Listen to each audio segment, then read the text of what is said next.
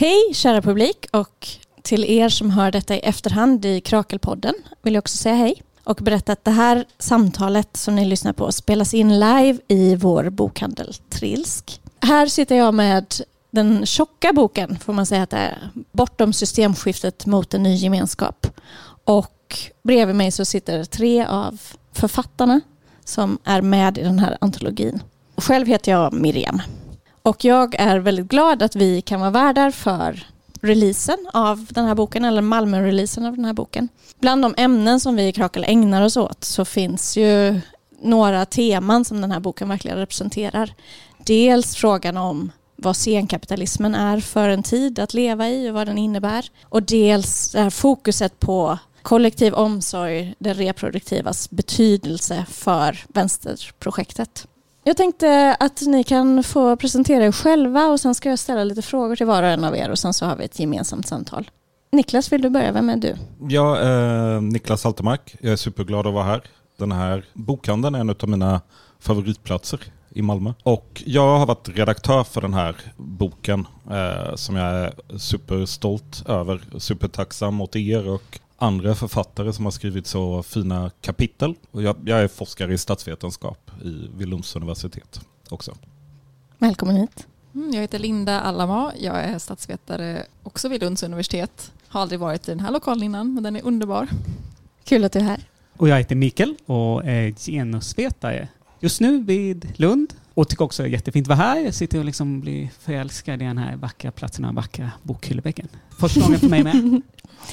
Niklas, jag tänkte vända mig till dig först. Yes. Du är ju också känd från den här podden sedan innan för att uh, du har varit med och pratat om en annan bok som du har skrivit, nämligen Avslagsmaskinen. Men du är alltså redaktör för den här antologin tillsammans med Magnus Dahlstedt Mm. och den är utgiven på Verbal förlag. Jag tänkte börja med att fråga, alltså systemskiftet, jag associerar till det ordet att eh, det är någonting ganska välkänt, någonting som vi alla också känt av i våra liv, att vi eh, sedan ett antal decennier har en situation där vi ser omsorgspersonal bli utsliten och det finns inget bra välfärdssystem som fångar upp dem på andra sidan. Välfärdsbyråkratin blir allt strängare. Asylrätten urholkas. Skolan, där kan vi inte räkna med god kvalitet utan vi ska istället som individer välja oss till god kvalitet. Vi får sämre tillgång till god vård och så vidare.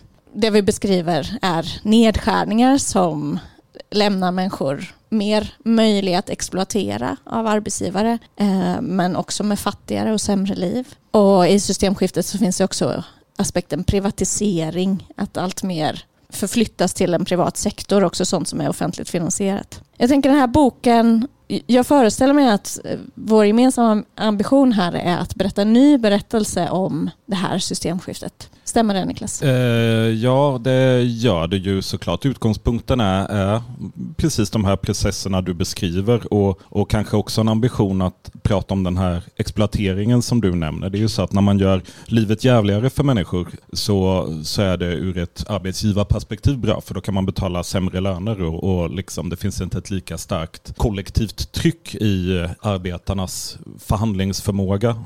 Så.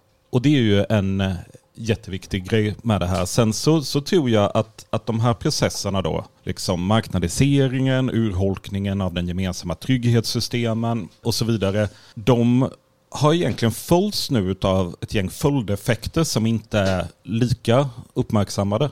För det som händer då när man urholkar liksom socialförsäkringssystemen det är att människor är alltjämt sjuka eller arbetslösa eller har liksom problem så. De måste fortfarande ta vägen någonstans och då kommer de oftast att hamna hos kommunerna och vara i behov av liksom försörjningsstöd, ekonomiskt bistånd och det har i sin tur lett till att, till att i många kommuner finns det där ett tryck på att man även inom då socialtjänsten ska göra striktare bedömningar även där. Det här du nämner om att vi liksom förväntas agera som kunder som gör förståndiga val för att våra barn ska få en vettig skolgång. Så det, där liksom sker förändring i vår mentalitet. Det är klart att det urgröper så kollektivets skattevilja när man menar att ja, men jag har ju varit förutseende och ställt mitt barn i kö tio år i förväg. Sådär. Varför ska jag vara med och finansiera en skolgång som är bra för alla? Samma sak liksom eftersom socialförsäkringen har blivit sämre så kommer människor behöva ha ett privat sparande, ha det här fuck off-kapitalet. Varför ska jag liksom betala in skatt när andra människor inte har varit lika förutseende och duktig som jag var? Eh, och de här processerna pågår. De här processerna pågår hela tiden. Även om vi nu inte har en välfärdspolitisk debatt så, så kommer det ju vara så att inom tio år så kommer, tror jag, resterna utav det här kollektiva välfärdsstatliga projektet vara borta. För att alla de här förändringarna som vi har sett under 90-talet och 2000-talet, de alliansregeringarna, de har blivit självreproducerande. Så vi har ett litet fönster just nu att försöka stoppa det här. Den här boken heter ju också Bortom systemskiftet mm. mot en ny gemenskap. Så ja. jag tänker att det också finns en framåtsyftande ambition, inte bara en beskrivande. Och jag tänker på den här ehm, att det finns en optimism som när du och jag pratade i podden för ett halvår sedan så uttryckte du också mycket optimism. Eh, vill du dela med dig lite av, av eh, den och, och berätta om hur ni tänkt om boken i förhållande till det? Jag tänkte, det, det jag beskrev innan och det du fyllde på med är ju en ganska dyster berättelse. Men här finns, ser ni någonting annat en möjlighetshorisont. Ja, precis. Jag tror, för mig är då optimism och hopp, det är ett politiskt val. Jag väljer att se världen på ett sådant sätt att jag tror att kollektiv organisering kan göra att vi kan hamna någon annanstans. Och jag tror att det är en ganska vanlig maktteknik att få folk att känna att de är maktlösa och inte kan påverka sitt liv, sin situation, sin framtid eller samhället i stort så. Så att för mig handlar det inte om att jag är en så oerhört happy-go-lucky person. För det är jag inte. Jag är väl liksom deppig och cynisk som de flesta. Men jag tror att som en politisk hållning så kan man välja hoppet. Och, och jag menar, den här boken samlar ju faktiskt 32 stycken välfärdsforskare som har idéer om att vi skulle kunna befinna oss någon annanstans. Mina så standardexempel när jag pratar om hopp kommer från frågor som ligger mig nära. Jag har skrivit om sjukförsäkringarna mycket. Där liksom från att vi haft en debatt som enbart handlar om att vi måste göra det jävligare för människor som inte jobbar helt enkelt så att de ska få incitament att arbeta. Det är liksom en, en eufemism för att sparka på människor som har det svårt och det är ur ett nationalekonomiskt perspektiv då bra för det ökar arbetsutbudet. Så hårdare konkurrens om jobben, större arbetslöshet istället för att människor går på bidrag, lägre löner. Så tycker liksom neoklassiska nationalekonomer är toppen. Den här debatten har vi vänt en allians av fackligt aktiva som har drivit på här, ett gäng parlamentariker i Vänsterpartiet framförallt, men några sossar också. Hundratusentals sjuka människor som är aktiva på Facebookgrupper, gör aktioner, skriver brev och ett gäng välfärdsforskare har liksom tillsammans kunnat förflytta den här debatten så att det inte längre handlar om människor som skor sig på systemet utan debatten handlar om hur systemet gör människor illa och de små förändringar som vi har sett under de senaste två åren, alltså det, det, är liksom på marginalen. Det är fortfarande inom ramarna för ett ganska ruttet system. Men lik förbannat så går det. Och, det är inte tillräckligt. Men vi kan välja att tänka på det. Vi kan välja att tänka på, okej, okay, hur gjorde vi för att vända den här frågan? Vad är det som säger att vi inte kan göra samma sak med marknadiseringen av äldreomsorgen eller styrningen av eh, offentlig verksamhet och sådär? När du och Magnus Dahlstedt har jobbat med den här boken som, som du säger den innehåller bidrag av 32 olika forskare som är många av de kritiska röster som finns i det här samtalet om välfärden i den svenska debatten. Vad har er ambition varit? Ja, men vår ambition har också varit, det finns ju en sån, vi tycker ju att vänstern så ofta har varit ganska fastlåst i en, i en defensiv position. Att, att ambitionen har fått vara att försvara resten av ett system så gott det går.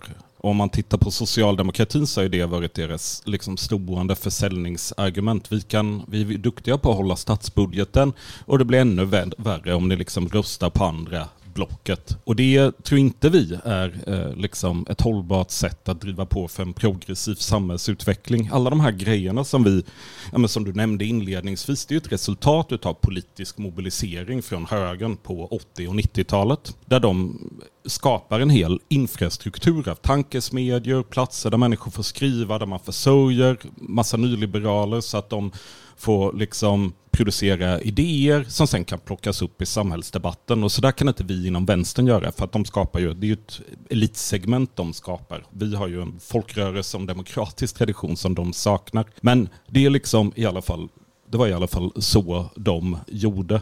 Så en viktig aspekt av den här boken och en viktig utmaning, kanske generellt för oss som vill ha en annan politisk framtid, är att i alla fall tänka lite på de här infrastrukturfrågorna och, och ställa oss frågan, okej, okay, hur kan vi se till att, att människor som sitter och vill en annan utveckling och inte nödvändigtvis bara vill försvara utan tänka något nytt om vilket samhälle vi ska leva i. Hur ska vi ska, skapa liksom förutsättningar som gör det enklare för människor? Ja, men ett steg kanske är att vi som är författare i den här boken att vi inte konkurrerar med varandra om liksom ett begränsad summa forskningspengar utan att vi gör forskningsprojekt tillsammans, att vi hittar synergieffekter och så vidare. Så, så vi ska vara mer demokratiska än Timbro men vi ska nog tänka strategiskt på samma sätt och aldrig glömma då såklart folkrörelsetraditionen som vi har inom vänstern. En väldigt inspirerande ambition. Nu tänkte jag vända mig till dig Linda. Du har ju skrivit ett kapitel i den här boken som heter Efter New Public Management. Och det här begreppet New Public Management används ju ofta för att beskriva det som har pågått i den offentliga sektorn i tre decennier eller så. Alltså att man alltmer försöker styra offentlig sektor som om det vore privat företag för att sammanfatta det. Och eh, det här är ju en trend som har, eh, eller det finns en trend av att kritisera detta sedan ett decennium också i den breda debatten. Och det, ditt kapitel handlar ju om den här kritiken och om vad som har kommit ur den här kritiken. Skulle du vilja berätta lite mer om det? Absolut. Eh, jag tänker att New Public Management som begrepp har funnits länge inom forskningen men har ju liksom verkligen fått snurr i en bredare svensk debatt. Att man pratar om det även liksom eh, folk ute som arbetar i vården eller i eh, barnomsorgen och så vidare. Och det är ett ganska tomt begrepp. Det säger ju inte så mycket om vad det handlar om. Så det har ju liksom jag tänker att en, en, del av problemet när vi pratar om vad New Public Management är och använder det som ett sätt att liksom rikta kritik på någonting är att eh, vi behöver kanske liksom gå mer ner på djupet kring vad det här är för slags förändring som har skett och titta på de liksom bakomliggande idéerna som eh, legitimerar det här sättet att styra. Så det är det jag försöker göra i det här kapitlet, att eh, titta på liksom New Public Management som ett möte mellan två ideologiska strömningar som egentligen, eh, det finns liksom spänningar mellan de här ideologiska strömningarna också. Men den ena delen så är ju det här med liksom marknadisering och konkurrensutsättning som vi förknippar med nyliberal ideologi. Och det har vi pratat mycket om att jag tror att också nyliberalism är ett sådant begrepp som har spritt sig i en bredare debatt som vi använder för att beteckna den ordning eh, vi lever i. Men det som jag tycker att debatten om New Public Management och kritiken kanske har missat är det här liksom den här andra strömningen som handlar om det som man på engelska kallar för managerialism. Och det är liksom ett begrepp som vi saknar motsvarighet i svenskan som är liksom lite svårt att översätta men det handlar ju på något sätt om en, en eh, idé eller en ideologi som går ut på att det finns ett grundantagande om att man kan skilja arbete från styrning eller arbete från planering egentligen så är det här någonting som, alltså planering och arbete hänger ihop. Varje gång vi arbetar med någonting så genomför vi ju en planering om hur vi ska lägga upp vårt arbete, vad vi ska göra idag, hur det kan bli bättre. Men i managerialismen så blev det liksom en, bygger det på en idé att man kan skilja de här sakerna åt. Att styrning och planering det är någonting man kan bli expert på. Som är liksom, oavsett vad man arbetar med så kan man liksom abstrahera det här till någonting man kan studera och utveckla tekniker kring. Och att den här idéströmningen tar ju sig väldigt tydliga uttryck då idag att vi har liksom en eh, offentliga verksamheter som styrs av någon typ av eh, experter på organisation och styrning och ekonomi oavsett vad det handlar om för slags verksamhet. Och att det är liksom en del av eh, New Public Management som jag tror vi måste prata mer om för det är inte bara marknader och konkurrensutsättning och privatiseringar utan vi ser också det här att hierarkierna inom organisationer blir starkare, att de liksom styrande delarna i offentliga verksamheter, de som sitter på liksom förvaltningen och eh, sysslar med liksom ekonomistyrningssystem och kvalitetssäkring och så här, det blir de blir fler. Och det har ju liksom att göra med en maktförskjutning inom organisationer. Ja. Vill du ge lite exempel på vad det kan, ja, men hur, kan, hur det kan spela ut och vad det får för effekt i den offentliga verksamheten? Ja, men jag tror liksom att eh, om man tänker på det som jag, jag tog avstamp i eh, kapitlet så handlar det liksom om en upplevelse av många som jobbar i offentliga verksamheter att man sitter och gör saker som man inte upplever är meningsfyllda. Eh, som att man kanske sitter och man måste jobba med en utvärdering eller man kanske måste ha ett samtal om, om kvalitet eller utveckla indikatorer på hur ens verksamhet bäst ska, ska liksom utvärderas och mätas. Jag tror att det som kanske fångar managerialismen bäst är den här känslan av att man sitter i ett sånt här möte och känner det här är slöseri med min tid, det här är meningslöst men samtidigt så känner man att det också är helt rationellt och naturligt att jobba med detta. Alltså en utvärdering, vem kan vara emot en utvärdering? Det är ju liksom någonting det är klart vi ska utvärdera, det är klart vi måste följa upp, det är klart vi måste liksom veta hur det går.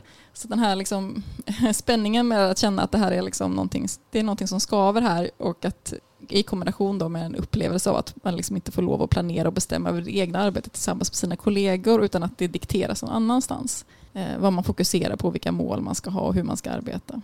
Hur, hur eh, kopplar du det till det här begreppet som du sa inledningsvis, nyliberalism? Det här handlar ju inte då, det här är ju liksom en annan idéströmning. Om man tänker att nyliberalism handlar om det här med liksom idén om att konkurrens gör eh, verksamheter mer effektiva. Så att om vi liksom konkurrensutsätter det offentliga genom eh, privatiseringar eller valfrihetssystem så kommer de bli mer effektiva. Så det är ju liksom den ena ideologiska strömningen och managerialismen har ju liksom rötter någon annanstans i liksom eh, industrialiseringens utveckling mot stora företag med taylorismen, alltså det här behovet av att eh, styra och kontrollera stora verksamheter och framväxten av liksom eh, business schools och managementutbildningar som ju egentligen bär på en väldigt stark idé att vi behöver liksom central planering för att driva utveckling.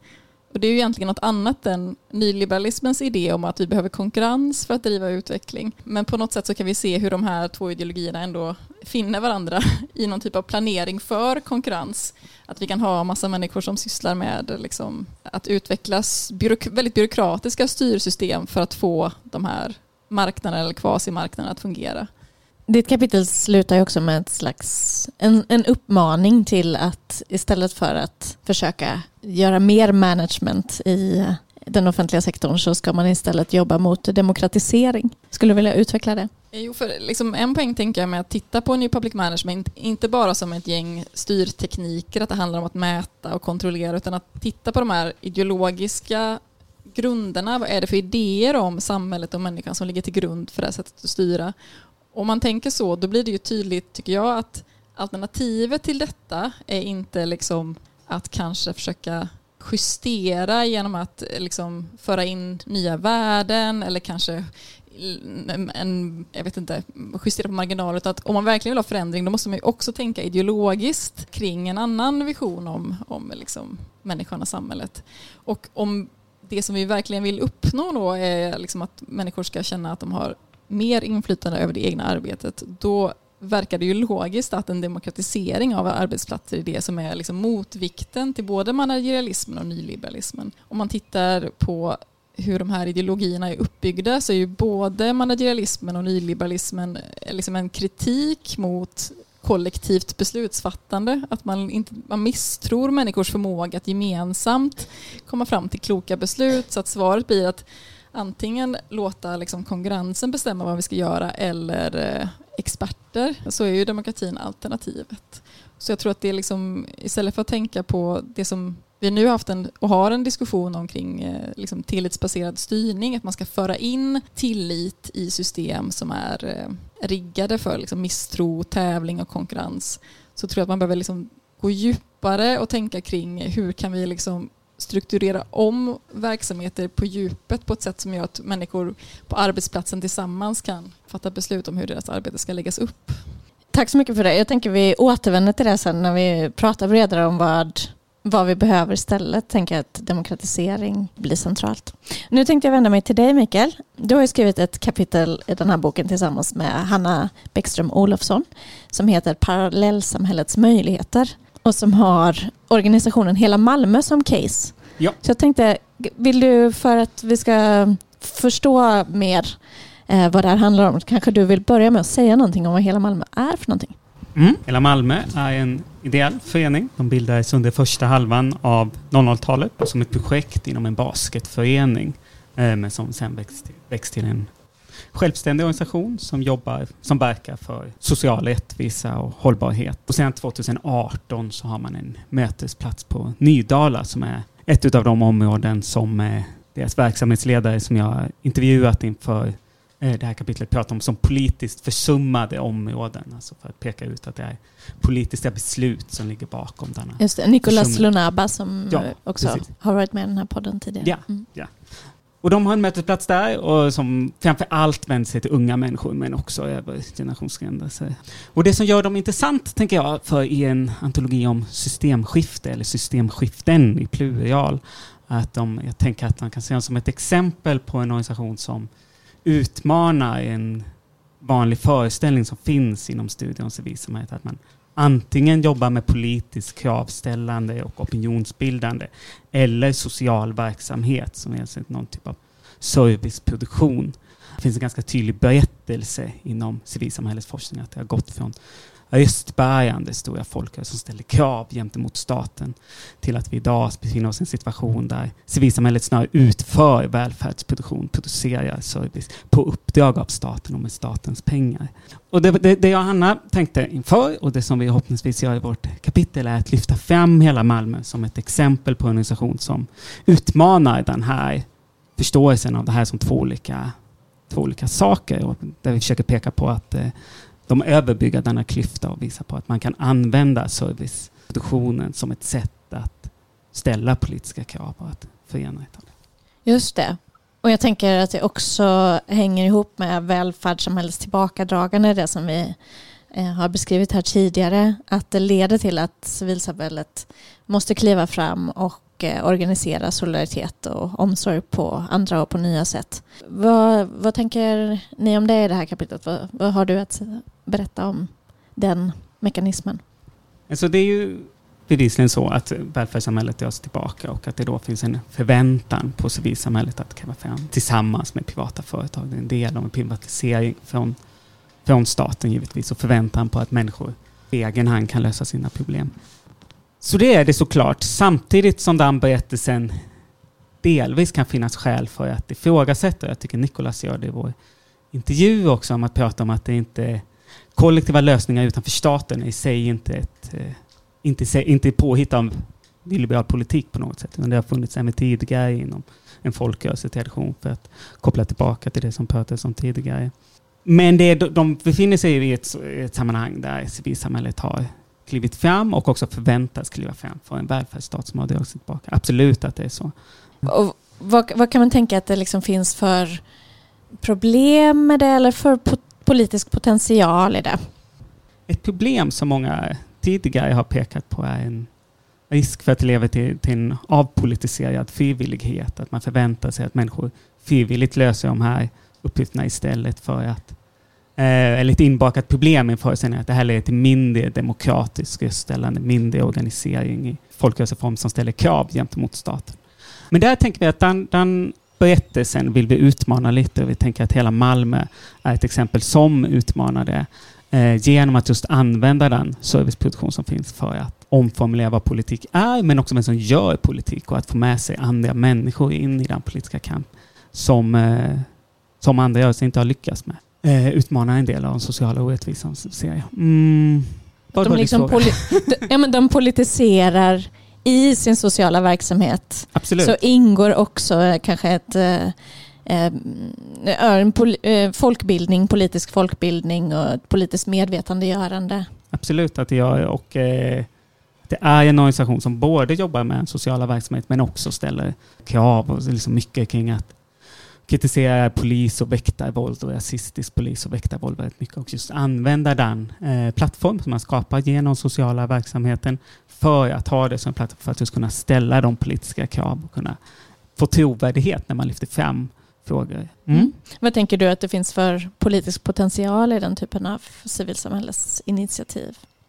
Så en potential är att man får med andra grupper och att man omformulerar betydelsen av vem gör politik och att man får med sig grupper som som annars står utanför eh, politisk kamp i ganska stor utsträckning. Vi pratar om det som ett sätt att omformulera vad, vem som ses som politiskt subjekt och vad politik är. Så det är absolut en potential med det.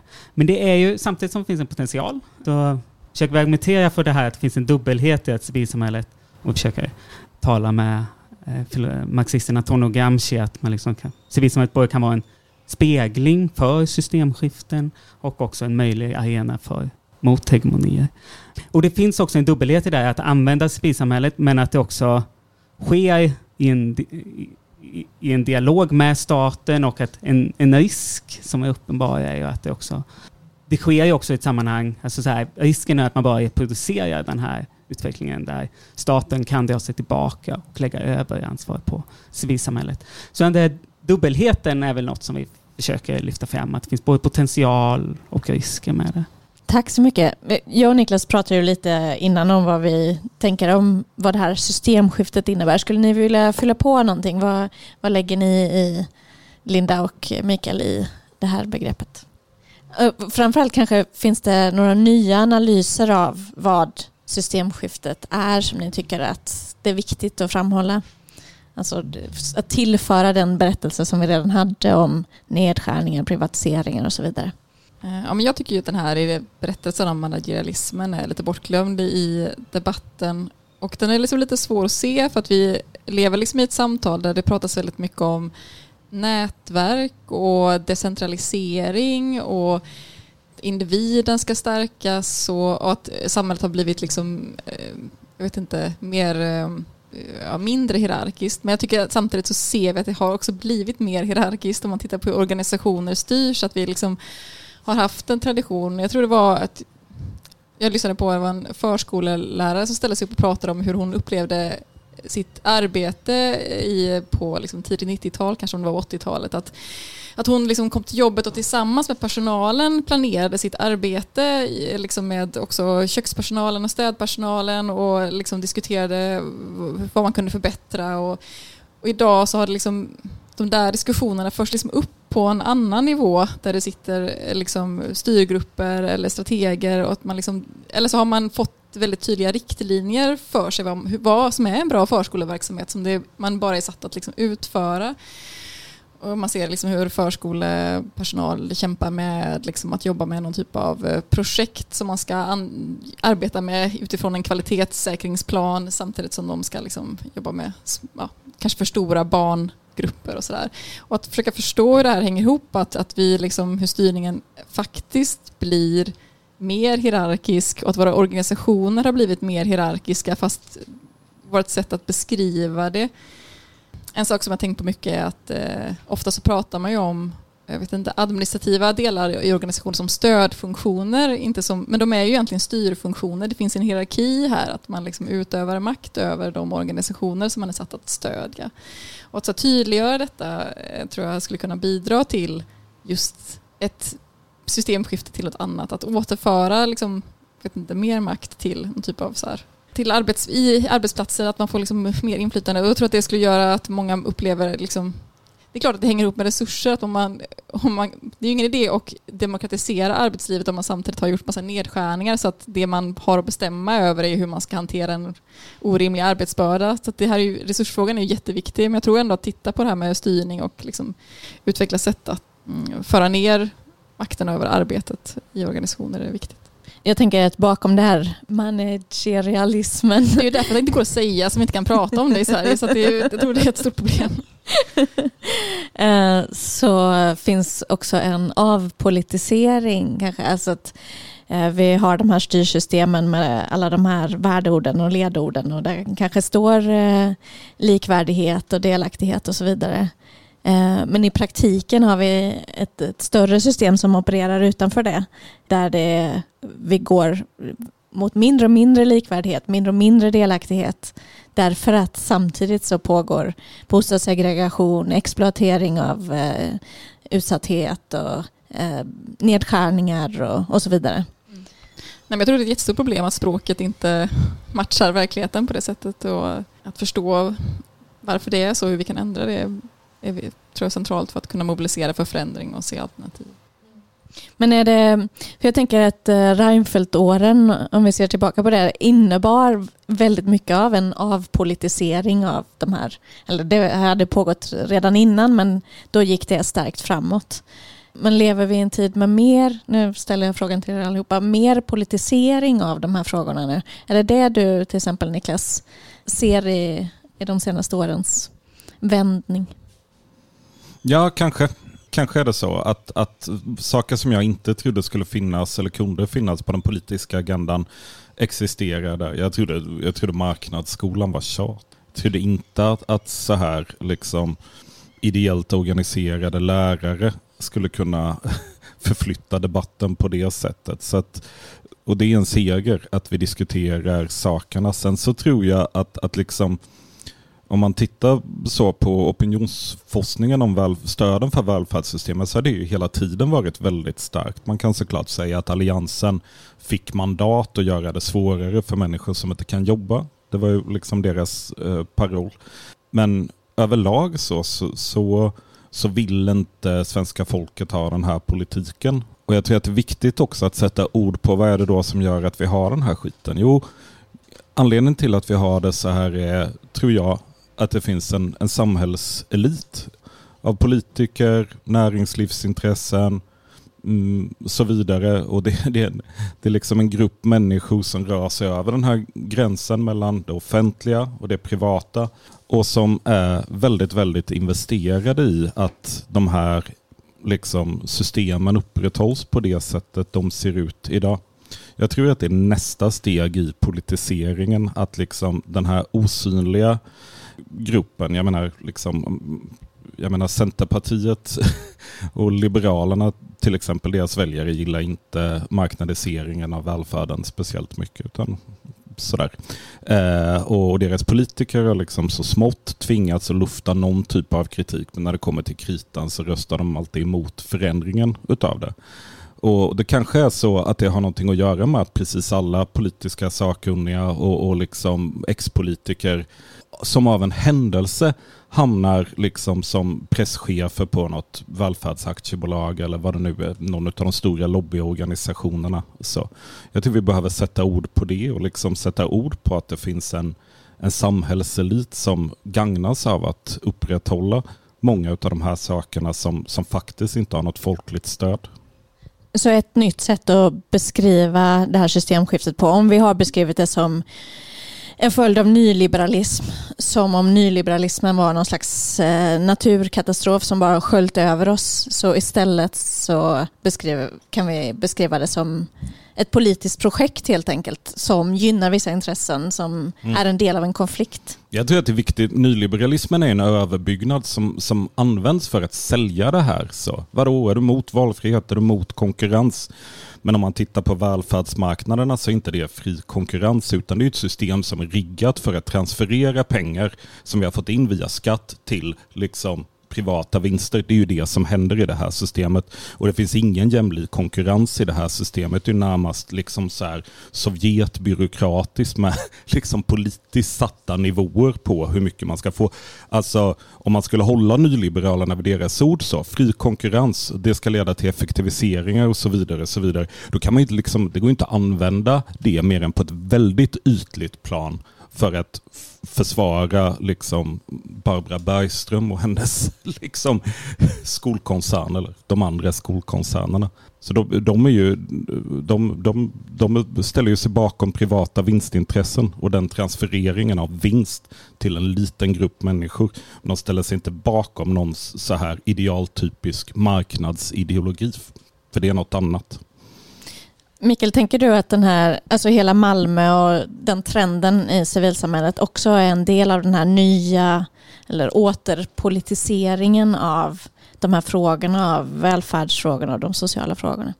Det är möjligt att det ska beskrivas som det. Det finns i alla fall en ambition att eh, politisera de frågor man jobbar med. Det är väldigt, väldigt tydligt att det gör och att använda den plattform man skapar för att politisera.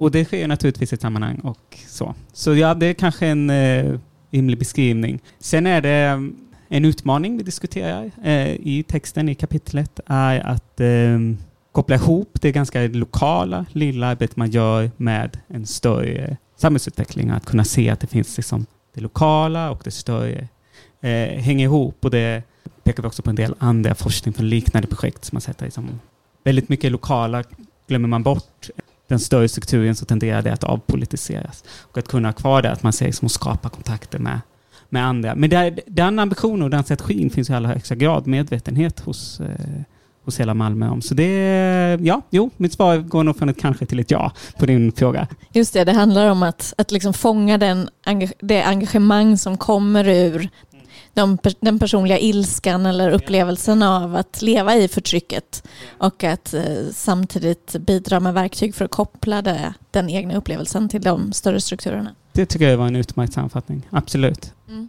Ja, jag tänker också att eh, att det är den ambitionen vi har i Krakel att bidra med att, att göra just det. Att mycket av det vi upplever i det här samhället eh, känner vi alla av inte är gynnsamt för oss. Men vad sätter vi för ord på det leder oss till vad vi har för, för politisk medvetenhet att agera i. Men om vi återvänder till den här boken. Eh, vad, vad, tänker ni att de här insikterna, de nya insikterna om systemskiftet och var vi befinner oss nu innebär för hur vi kan orientera oss framåt akademiskt såklart, men också politiskt. Det är väl i den här boken sammankopplat. Ja, för det första så tänker vi ju eh, det finns ju ett omfattande så studiecirkelsmaterial till detta som man kan ladda ner på, på Katalys hemsida och på ABFs hemsida. Vi vill ju att folk ska snacka om vad vi ska ta vägen någonstans. Så på det sättet så är det ju lite den här infrastrukturen som jag snack, eh, snackade om innan. Liksom. Att, att det figurerar och, och snurrar runt idéer som vi kan plocka upp och, och liksom vidareutveckla. Eller för den delen förkasta och, och det är ett, ett boken kan betraktas som någon typ av smörgåsbord för det. liksom.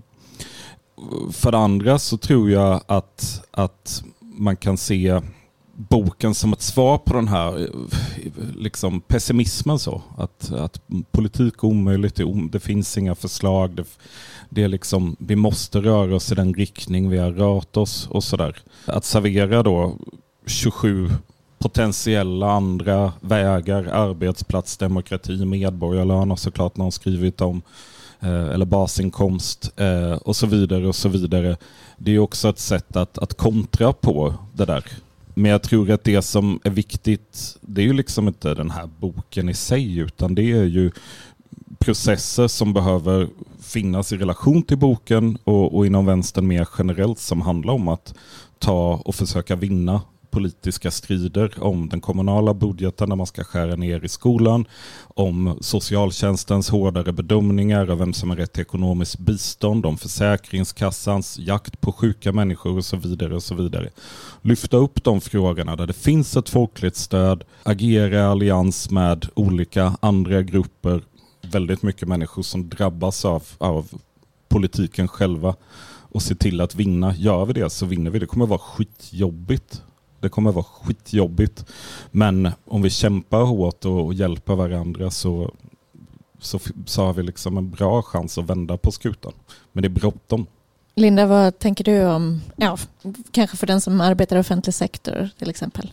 Vad, hur, vad är arbetet framåt? Jag tänkte först på boken så pratade Susanna Lakoski på Stockholmsreleasen av den här boken om att hon tyckte att en bra grej med boken var att den gav just en mängd ord och begrepp som man kan använda. Jag tänker att det kan väl vara ett sätt att liksom använda boken att hitta just det där, ett annat språk för att prata om saker, så om boken. Sen eh, i eh, större allmänhet så har jag ofta tänkt, för jag har läst mycket om nyliberalism och nyliberal ideologi och jag tycker liksom att det finns en styrka där att den är väldigt eh, jag tycker den hänger ihop väldigt tajt. Det finns en väldigt stark berättelse om så här, vad problemen i samhället beror på och hur de ska lösas. Och när jag tänker på vänstern så ser jag inte samma så här, tydliga berättelse eller rationalitet eller vad man ska kalla det för som man kan liksom använda. Jag tror att man liksom behöver jobba med att försöka formulera det. Om nyliberalismen har liksom en idé om att så här, konkurrens, det går ju ner på liksom nästan så här, ska man säga, biologisk vision av att det som gör att människan, det som leder till framsteg och evolution, det är liksom konkurrensen, vet du, allas krig mot alla ute i naturen. och hur det liksom lever vidare till att liksom vi idag måste så här, eh, konkurrera på arbetsmarknaden genom att stärka våra humankapital och vi måste hela tiden mäta och visa vem som är bäst för att vi ska skapa incitament för att jobba hårdare och det är det här som liksom driver samhället framåt. Och det är också en vision om det allmänna bästa, att man tänker sig att ja, men det här kommer ju leda till framsteg som kommer alla till godo och sådär. Men om man liksom tänker på vänstern eller socialdemokratin, eller liksom, vad är det för vision man har av liksom problem, vad består problemen av, hur ska vi lösa dem? Att jag tycker liksom att nyliberalismen har ju visat att de kan ju lägga in den här berättelsen i alla sammanhang oavsett om det handlar liksom om, jag vet inte, sjukvård eller alla politikområden på något sätt kan ju följa samma logik men att man måste möta det med en annan logik. Att då tänker jag att det man behöver är, jag vet inte, studiecirklar eller liksom någon typ av ideologiskt arbete kanske liksom ägna mindre tid åt att analysera och kritisera nyliberalismen och läsa liksom så här, ja men vad kan vi lära oss då av jag vet inte, eh, olika liksom, tänkare i den här idétraditionen och utifrån det formulera någonting som är anpassat till eh, idag. Och sådär. Mm. Så vi, måste, vi behöver ägna oss åt idéproduktionen och ja, eh, folkbildningen knuten till den. Ja, precis, med den liksom mera konstruktiva ansatsen då. Vad tänker du Mikael? Vad är det framåtsyftande budskapet?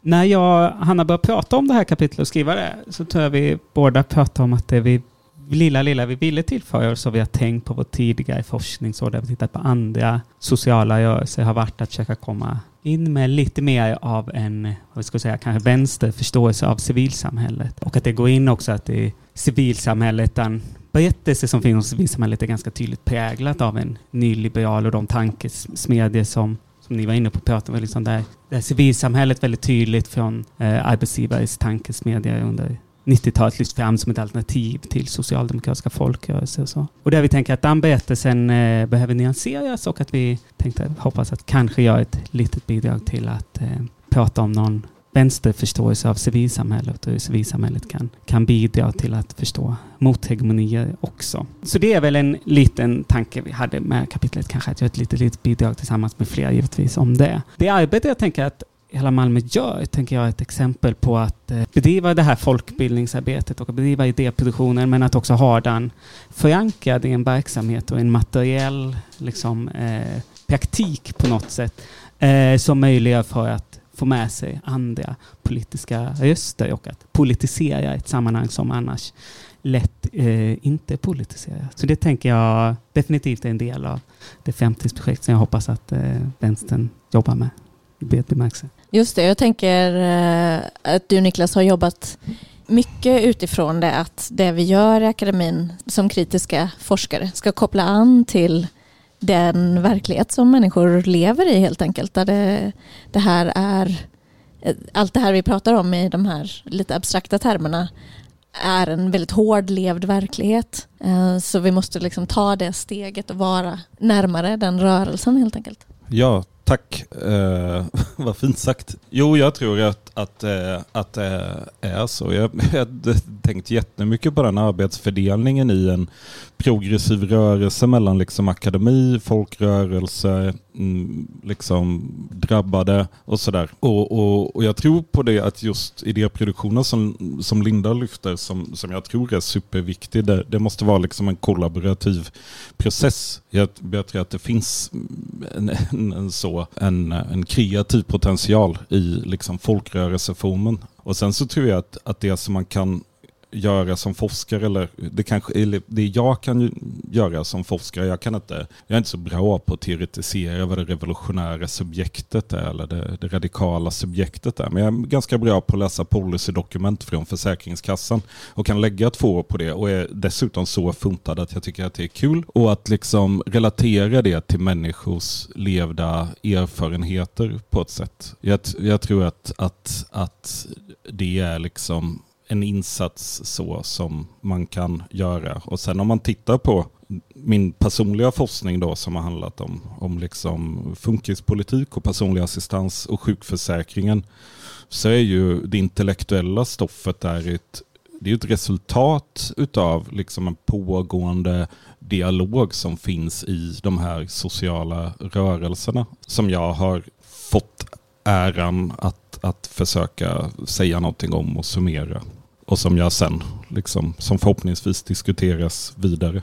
Och den här boken eh, antyder du ju har också den ambitionen att vara nära folkrörelserna i samarbete då med Katalys, ABF och så vidare. Vill du säga någonting Ja, men, avslutningsvis om det? ja men precis. Vi, den är ju skriven med någon, någon sån folkbildningstradition i åtanke. Vi tror liksom inte att akademisk text nödvändigtvis alltid gagnas av att skrivas för och bara diskuteras av en akademisk publik. Och vi tror kanske ibland att, att det kan vara så att det handlar om att eh, det handlar om, om vårt kulturella kapital som vi uppbär och reproducerar. Men, men eh, idéer blir ju liksom spännande och viktiga först när de bollas runt på massa oväntade sätt. Och ett sätt då att försöka kasta ut de här idéerna som finns i den här boken det är att, att vi har skrivit boken och tagit fram det här studiematerialet då, som ska göra det enkelt att diskutera detta. Och när man diskuterar det så kanske man kommer fram till att jag har helt fel i mitt kapitel som handlar om hur Socialdemokraterna har liksom alltså genomfört en massa nedskärningar som är vad jag skriver om. Eller man kanske inte alls håller med om Lindas analys om arbetsplatsdemokrati eller sådär. Men det är vi ju rätt eh, vana vid akademiker, att, att idéer liksom kritiseras, diskuteras, utvecklas och skjuts i sank. Och, och liksom, vi hoppas bara att, att, att många gör det utifrån den här boken och i största allmänhet. Tack, jag tänker det är ett perfekt ställe att sluta. Tack så hemskt mycket Niklas Altermark, Linda Alama och Mikael Mary Karlsson. Tack så mycket.